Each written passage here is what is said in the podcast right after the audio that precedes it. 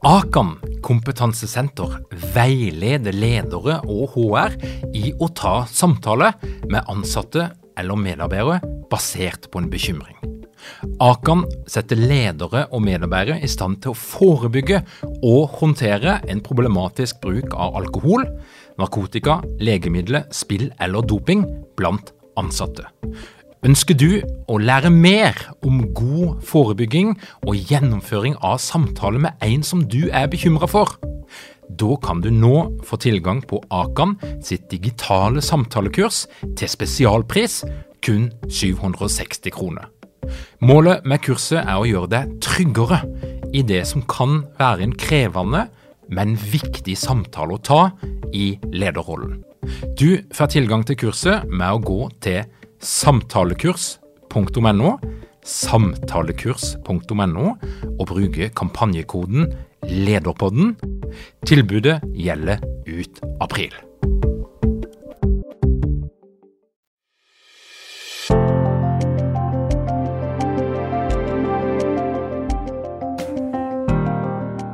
Hei og velkommen til Lederpodden. Dette her er en podkast for deg som er interessert i ledelse, som har lyst til å lære noe, eller la deg inspirere i ditt eget lederskap. Mitt navn er Tor Roger Eikerappen, og i denne podkasten så pleier jeg vanligvis å intervjue ledere og fagpersoner som har en historie å fortelle, men i dag skal jeg gjøre en litt annen tvist. For temaet for dagens episode det er kommunikasjon og hvordan du som leder kan bruke å trene på kommunikasjon som et sentralt verktøy for å utøve ledelse. Og jeg har så mye engasjement knytta til dette her temaet at jeg har nok tenkt at i et intervju så vil jeg ha litt problemer med å ikke dele mine egne tanker og egne erfaringer. Derfor har jeg faktisk eh, valgt å kjøre denne episoden som et soloshow uten intervju. Så jeg håper at det funker for deg. Eh, jeg kommer til å fortsette å intervjue i denne podkasten, men dagens episode den blir altså et one man show. Kommunikasjon. Jeg tenker jo at det er lederens viktigste verktøy. Ja, du må ha fagkunnskap for å ta gode beslutninger. Du må ha eh, evne til å skape fremdrift og struktur, og, og, det er en rekke ting som du må ha på, i denne verktøykassa di. Men eh, jeg vil påstå at når alt det er på plass, så er din evne til å kommunisere som leder noe av det viktigste du har med deg inn i lederskapet ditt det som er spennende og gøy med kommunikasjon, det er jo at det er mulig å trene på det. Det er faktisk mulig å bli bedre. Og, og eh, noe av det som jeg tykker er aller gøyest å jobbe med, det er jo å jobbe med ledere og det å trene på kommunikasjon. Da kan det skje magiske ting, og en ser ofte at ledere som da klarer å bli enda bedre på kommunikasjon, de, de løfter lederskapet sitt, og de skaper enda bedre resultater. Kommunikasjon, eh, det rent sånn, eh, rent sånn definisjonsmessig så, så, handler det altså om eh, å gjøre felles. Det kommer fra latin og, og, og ordet 'kommunikare', og det handler om at vi skal forstå det samme. Og det er fint. Og Kommunikasjon det er et verktøy for å skape en felles forståelse. Det kan handle om å forstå problemstillinger, det kan handle om å forstå nokså komplekse fenomener. Og så er det jo ingen tvil om at kommunikasjon er et viktig verktøy for å skape følelse. Og enten du vil det eller ikke, så er det sånn at kommunikasjon skaper følelse hos de menneskene du kommuniserer med. De følelsene de kan være positive, de kan være negative. Det kan knytte seg til motivasjon, det kan knytte seg til engasjement, knytta til en jobb eller en oppgave. Men det er altså iallfall to dimensjoner knytta til kommunikasjon, og det er både den sånn saklige, rasjonelle delen, og så er det altså følelse som er nært knytta til kommunikasjon.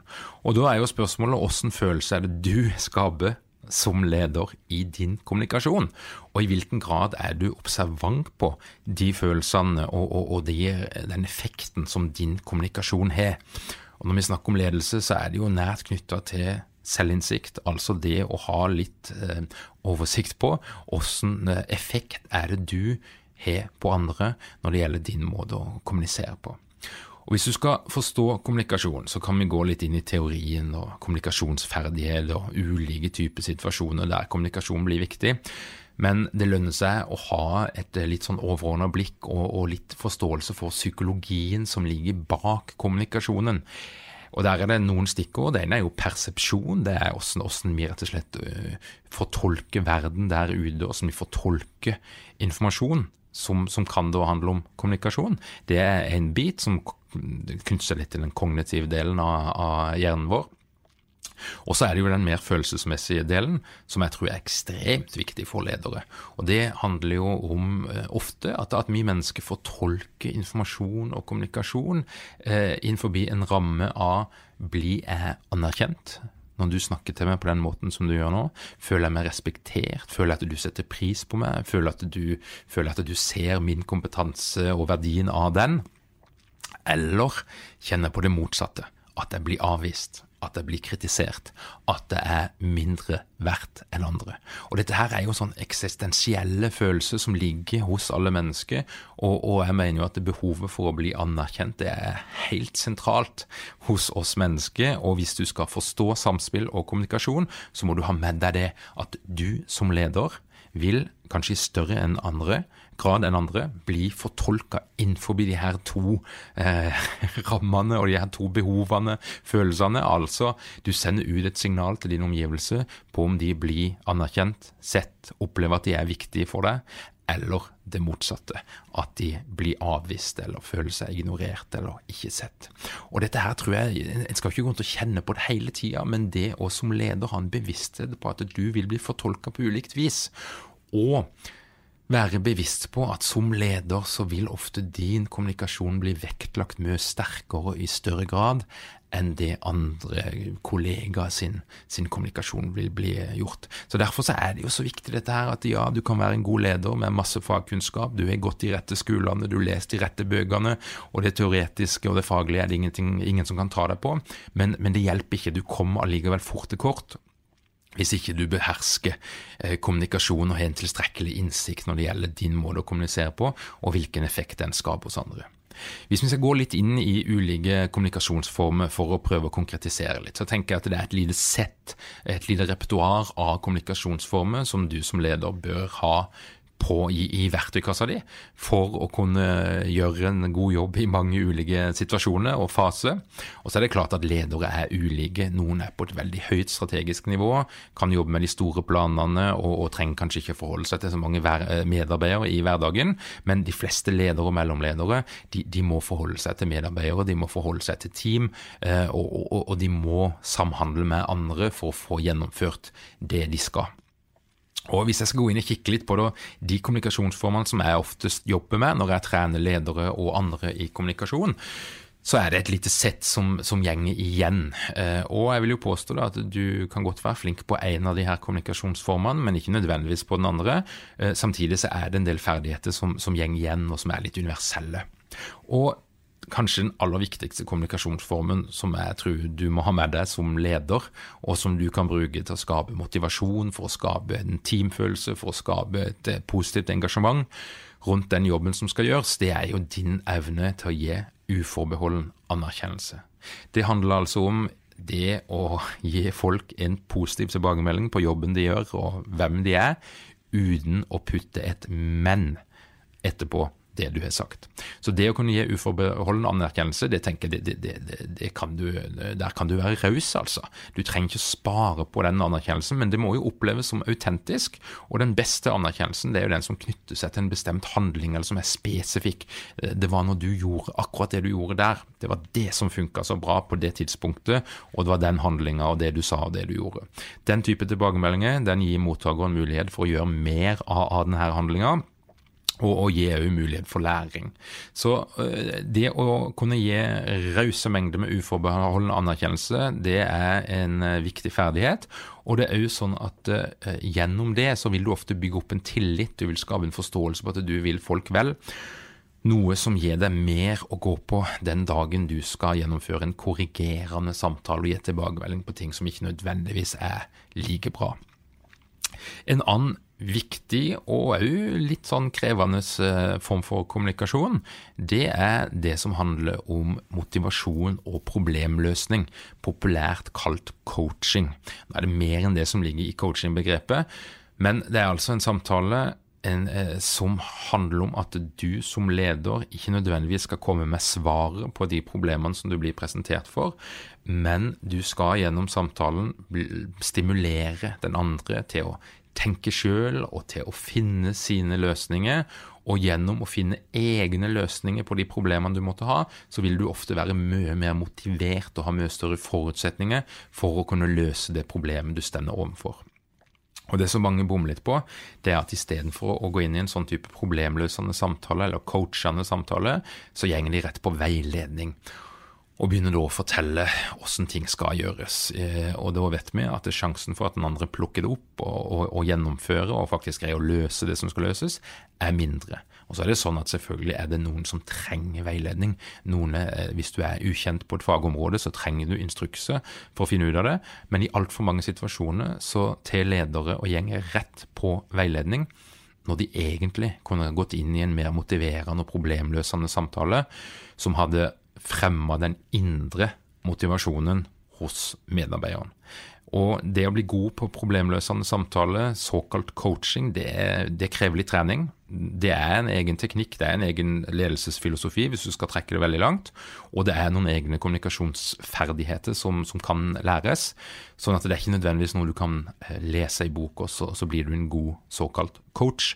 Eh, men, men, det er noe du må gå litt mer inn i, og litt dypere inn i. Og så er coaching-begrepet litt belasta.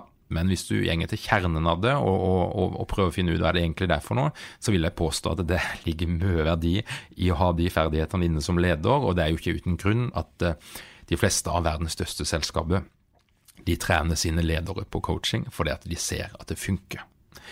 En annen form for kommunikasjon som er viktig. Det er ikke nødvendigvis noe du gjør hele tida, men du blir, når du skal gjøre det, så blir du satt på prøve, og det kan få store konsekvenser, både positivt og negativt, eh, i, hvilken grad du greier å gjøre det på en god måte.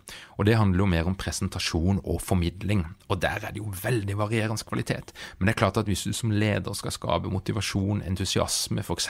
knytta til en endring i en organisasjon, ja, så må du, må du klare å, å, å bruke den arenaen på en god måte. Og litt for mange folk de stender og snakker inn i en mikrofon ganske monotont, leser opp for en powerpoint-presentasjon, ganske ordrett, eh, bullet point for bullet point, og du kjenner bare at her, her suges energien ut av det. Og det kan òg være noen som rett og slett gjennom sin evne til å presentere og formidle, så bidrar de i større grad til demotivasjon enn motivasjon hos sine tilhørere. Og, og, og noen er heller ikke så veldig gode på å formidle det budskapet som de skal, på en klar og tydelig måte. Så der er det en sånn kritisk test da, på, på, hvem er du som leder, og hvordan klarer du å kommunisere som leder. Og det er ikke så mange som har det som et medfødt talent, det å stå på en scene, formidle et budskap og skape engasjement.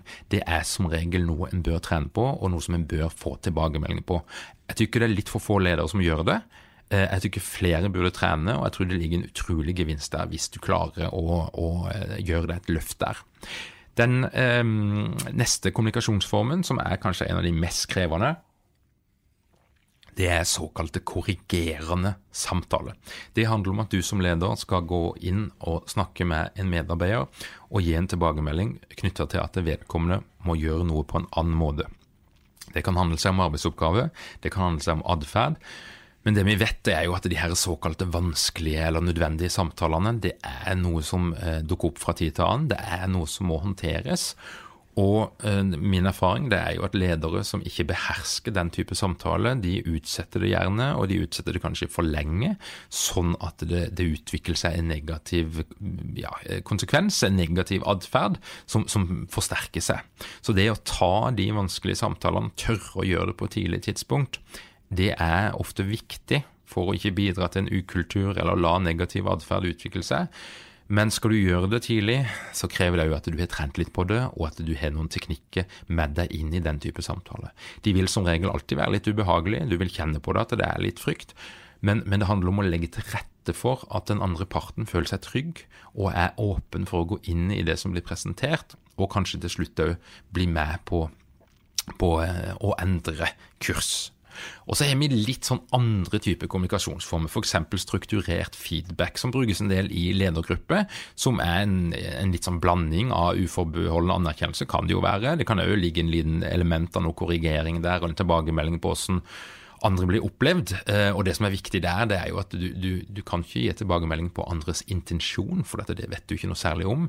Det du kan gi tilbakemelding på, det er jo det du observerer, altså det, det du ser at andre gjør eller sier. Er du ikke mange ledere uten trening eller utdannelse innen ledelse? Mangler dere en felles kultur og praksis for ledelse? Ønsker dere å være bedre rustet for fremtidig vekst og endring? Da kan et internt lederutviklingsprogram være en god investering. I Execu så er vi eksperter på å designe og gjennomføre bedriftsinterne lederutviklingsprogram. Hvis du ønsker å lære mer om hvordan vi kan hjelpe dykken til å få enda bedre ledere, ta og klikk deg inn på execu.no.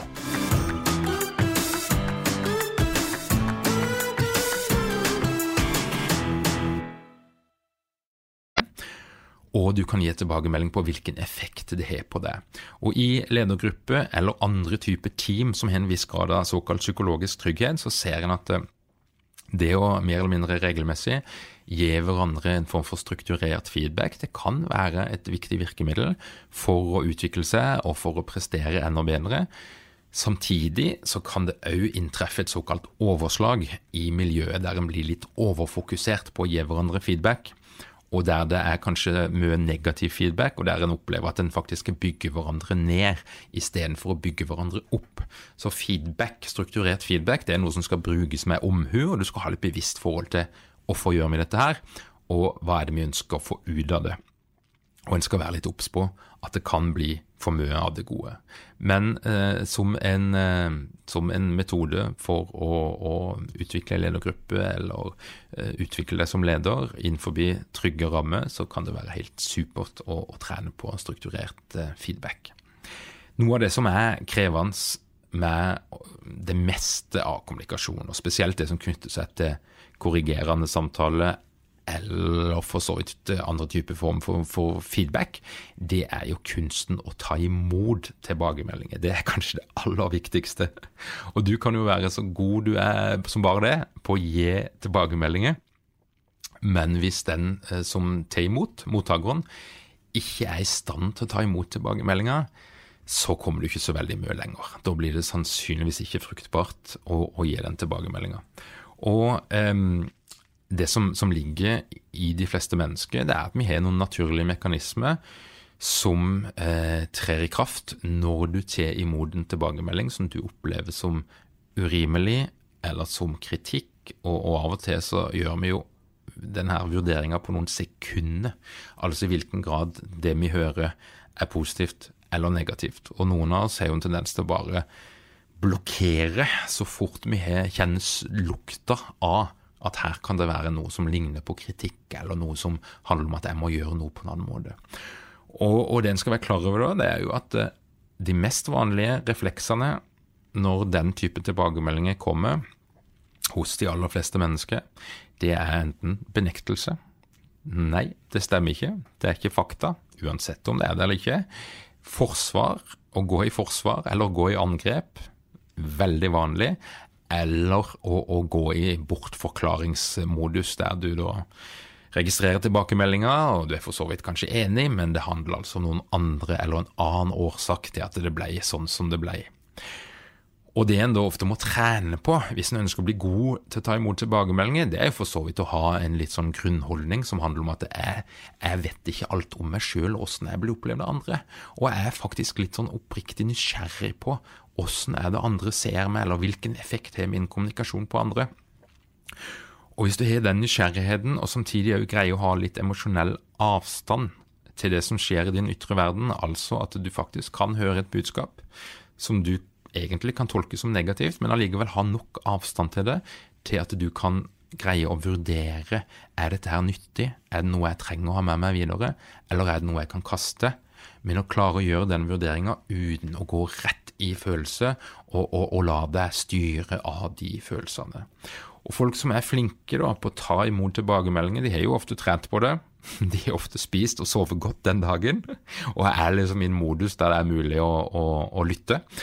Og det er jo det de gjør. De klarer altså å lytte, de klarer å forstå budskapet som blir sagt, og, eh, og hvis du trekker det enda lenger, så klarer de jo kanskje å utforske budskapet og, og, og spørre rundt det for å liksom få greie på mer om hva det egentlig dette her handler om. Og hvis de da vurderer at ja, men dette her må jeg jo gjøre noe med, sånn kan jeg jo ikke ha det, så klarer de jo altså å endre atferd. Men jeg, jeg, jeg tykker ofte i kommunikasjonstrening så snakker vi litt for lite om dette her, altså kunsten å ta imot tilbakemeldinger, for veldig mye starter jo der. Du kan være kjempegod til å kommunisere, men, men mottakeren må klare å ta imot. Jeg har i mange år vært interessert i kommunikasjon. Gått på kurs og prøvd å lese og holde meg oppdatert. Og jeg blir av og til litt lei av meg sjøl jeg blir lei av å snakke om det, de samme tingene, og jeg håper eh, egentlig litt sånn hele tida på at det kommer ikke snart noe nytt. Er det ikke snart noen nye revolusjonerende greier knytta til kommunikasjon? Dessverre så er det ikke så ofte det skjer. Det er, eh, uansett hva jeg leser, og òg ting som blir presentert som noe nytt, så kommer jeg tilbake til de samme gode, gamle kommunikasjonsferdighetene. Og hvis jeg skal, hvis jeg skal eh, gå litt inn i det de helt grunnleggende når vi snakker om kommunikasjon, så handler det jo litt om holdninger. Det handler om litt forståelse for eh, at vi driver og fortolker hverandre på ulikt vis. Vi har filtre, og at det er følelser som ofte er involvert i kommunikasjon. Det handler ikke bare om det rasjonelle. Det er noen ledere som bommer litt der. De, de formidler et eh, rasjonelt budskap, tror de sjøl, og så treffer de andre midt i følelsene. Men eh, hvis vi skal gå inn i ferdighetene, hva er det du kan trene på som leder for å bli bedre til å kommunisere, så, så er det litt ulike ting. Hvis du, hvis du, skal eh, drive med presentasjon og snakke for en forsamling, så er det en litt egen kategori. Eh, der handler det mest om det, det, du sier, og ikke så mye om det du hører.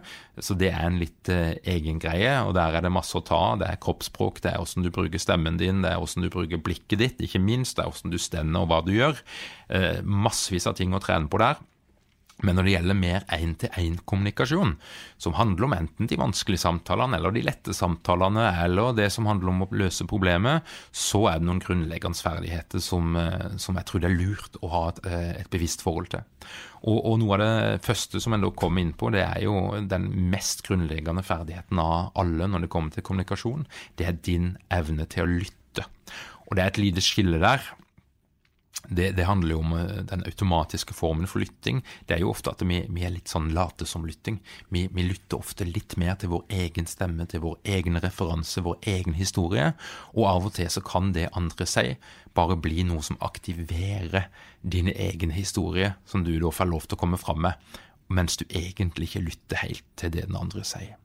Det som er krevende lytting, og som krever en del hjernekapasitet, der du òg må være ganske bevisst, det er jo når det er nødvendig å, å, lytte på en måte der du virkelig er hos den andre.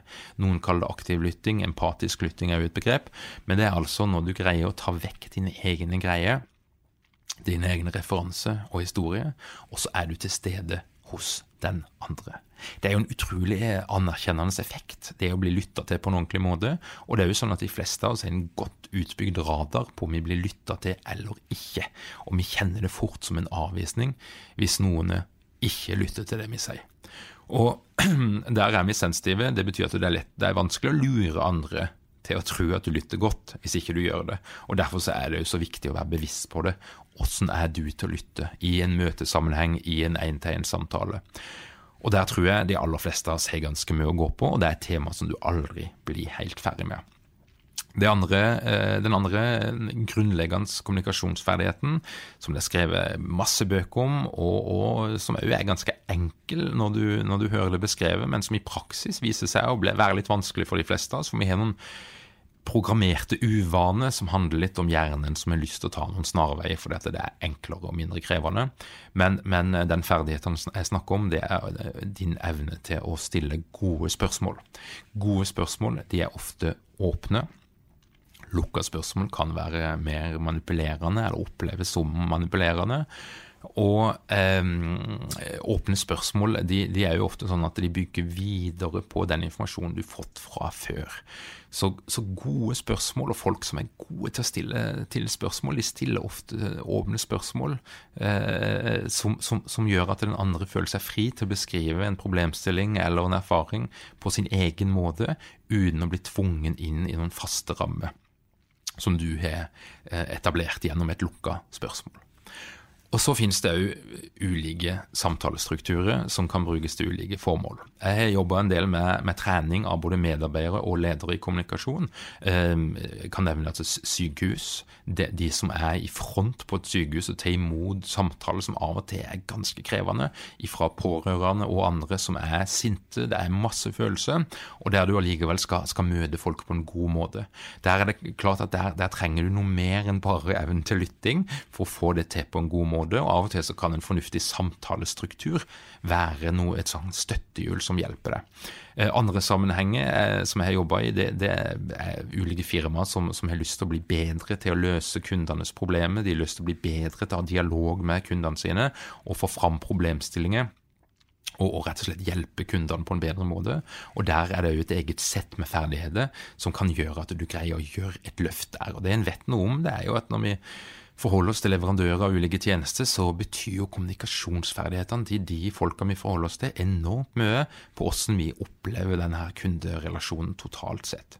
Jeg har jo jobba litt med eh, noen såkalte eh, kriseteam i kommune, eh, der de, eh, de, har en sånn debrief-sesjon i etterkant av oppdrag. Og der de da trener på ulike kommunikasjonsferdigheter for å gi hverandre strukturerte og gode tilbakemeldinger både på det som fungerte bra, og på det som kunne bli bedre i etterkant av, av, kritiske oppdrag. Det er en rekke andre eksempler, men jeg tror at i de fleste organisasjoner så vil du ha godt av å ha et bevisst forhold til kommunikasjon, og òg gjøre en vurdering av er dette her noe som vi kan trene oss på, og som vi kanskje bør bli enda bedre på. Og så er det en liten viktig ting når det gjelder det å gi hverandre tilbakemeldinger, og, det er jo det at de fleste tilbakemeldinger som vi gir, de handler jo, ja, for så vidt om den personen vi gir tilbakemelding til, men det er nok jo sånn at de fleste tilbakemeldinger er prega av den som gir tilbakemeldinger. Og noen mener jo at det er nesten opptil 50% av budskapet er prega av å, å handle mer om den som gir budskapet, enn den som tar imot. Så det er mange ting å være obs på, og så er det jo en del måter å kommunisere på som kan faktisk virke ganske provoserende. Som, som, som blokker sørge rett og slett for at den, den andre lytter til imot budskapet, og, og en skal bare være bevisst på at det, det er noen feller å gå i. F.eks. det å snakke om at du er. Da er de fleste eh, blålys på hos den andre ganske fort. Eller du gjør alltid, du gjør aldri. Mange mener at du, alle mener at du, noen mener at du. Dette her er begrepet som eh, kan rett og slett skape en litt sånn paranoid reaksjon. For hvem er mange, og hvem er alle, og hvem er noen? Og når vi snakker om sånn du er, setninger, så er det òg eh, opplevd som ganske provoserende eller nedverdigende. For de fleste av oss er ingenting av de her kategoriene. Det kan være du har gjort noe dumt, eh, men, men, men, det betyr ikke at du er noe, eller at du alltid gjør det. Så, så det er en del sånne setninger som en skal være litt bevisst på, og, og kanskje avlære seg hvis du har en del av det, som vil gjøre at kommunikasjonen din blir bedre. Kommunikasjon er et stort tema. Jeg kommer nok til å snakke mer om det. Eh, kommunikasjon er jo knytta til personlighet. Det er, det er, masse spennende ting å ta opp når det knytter seg til kommunikasjon.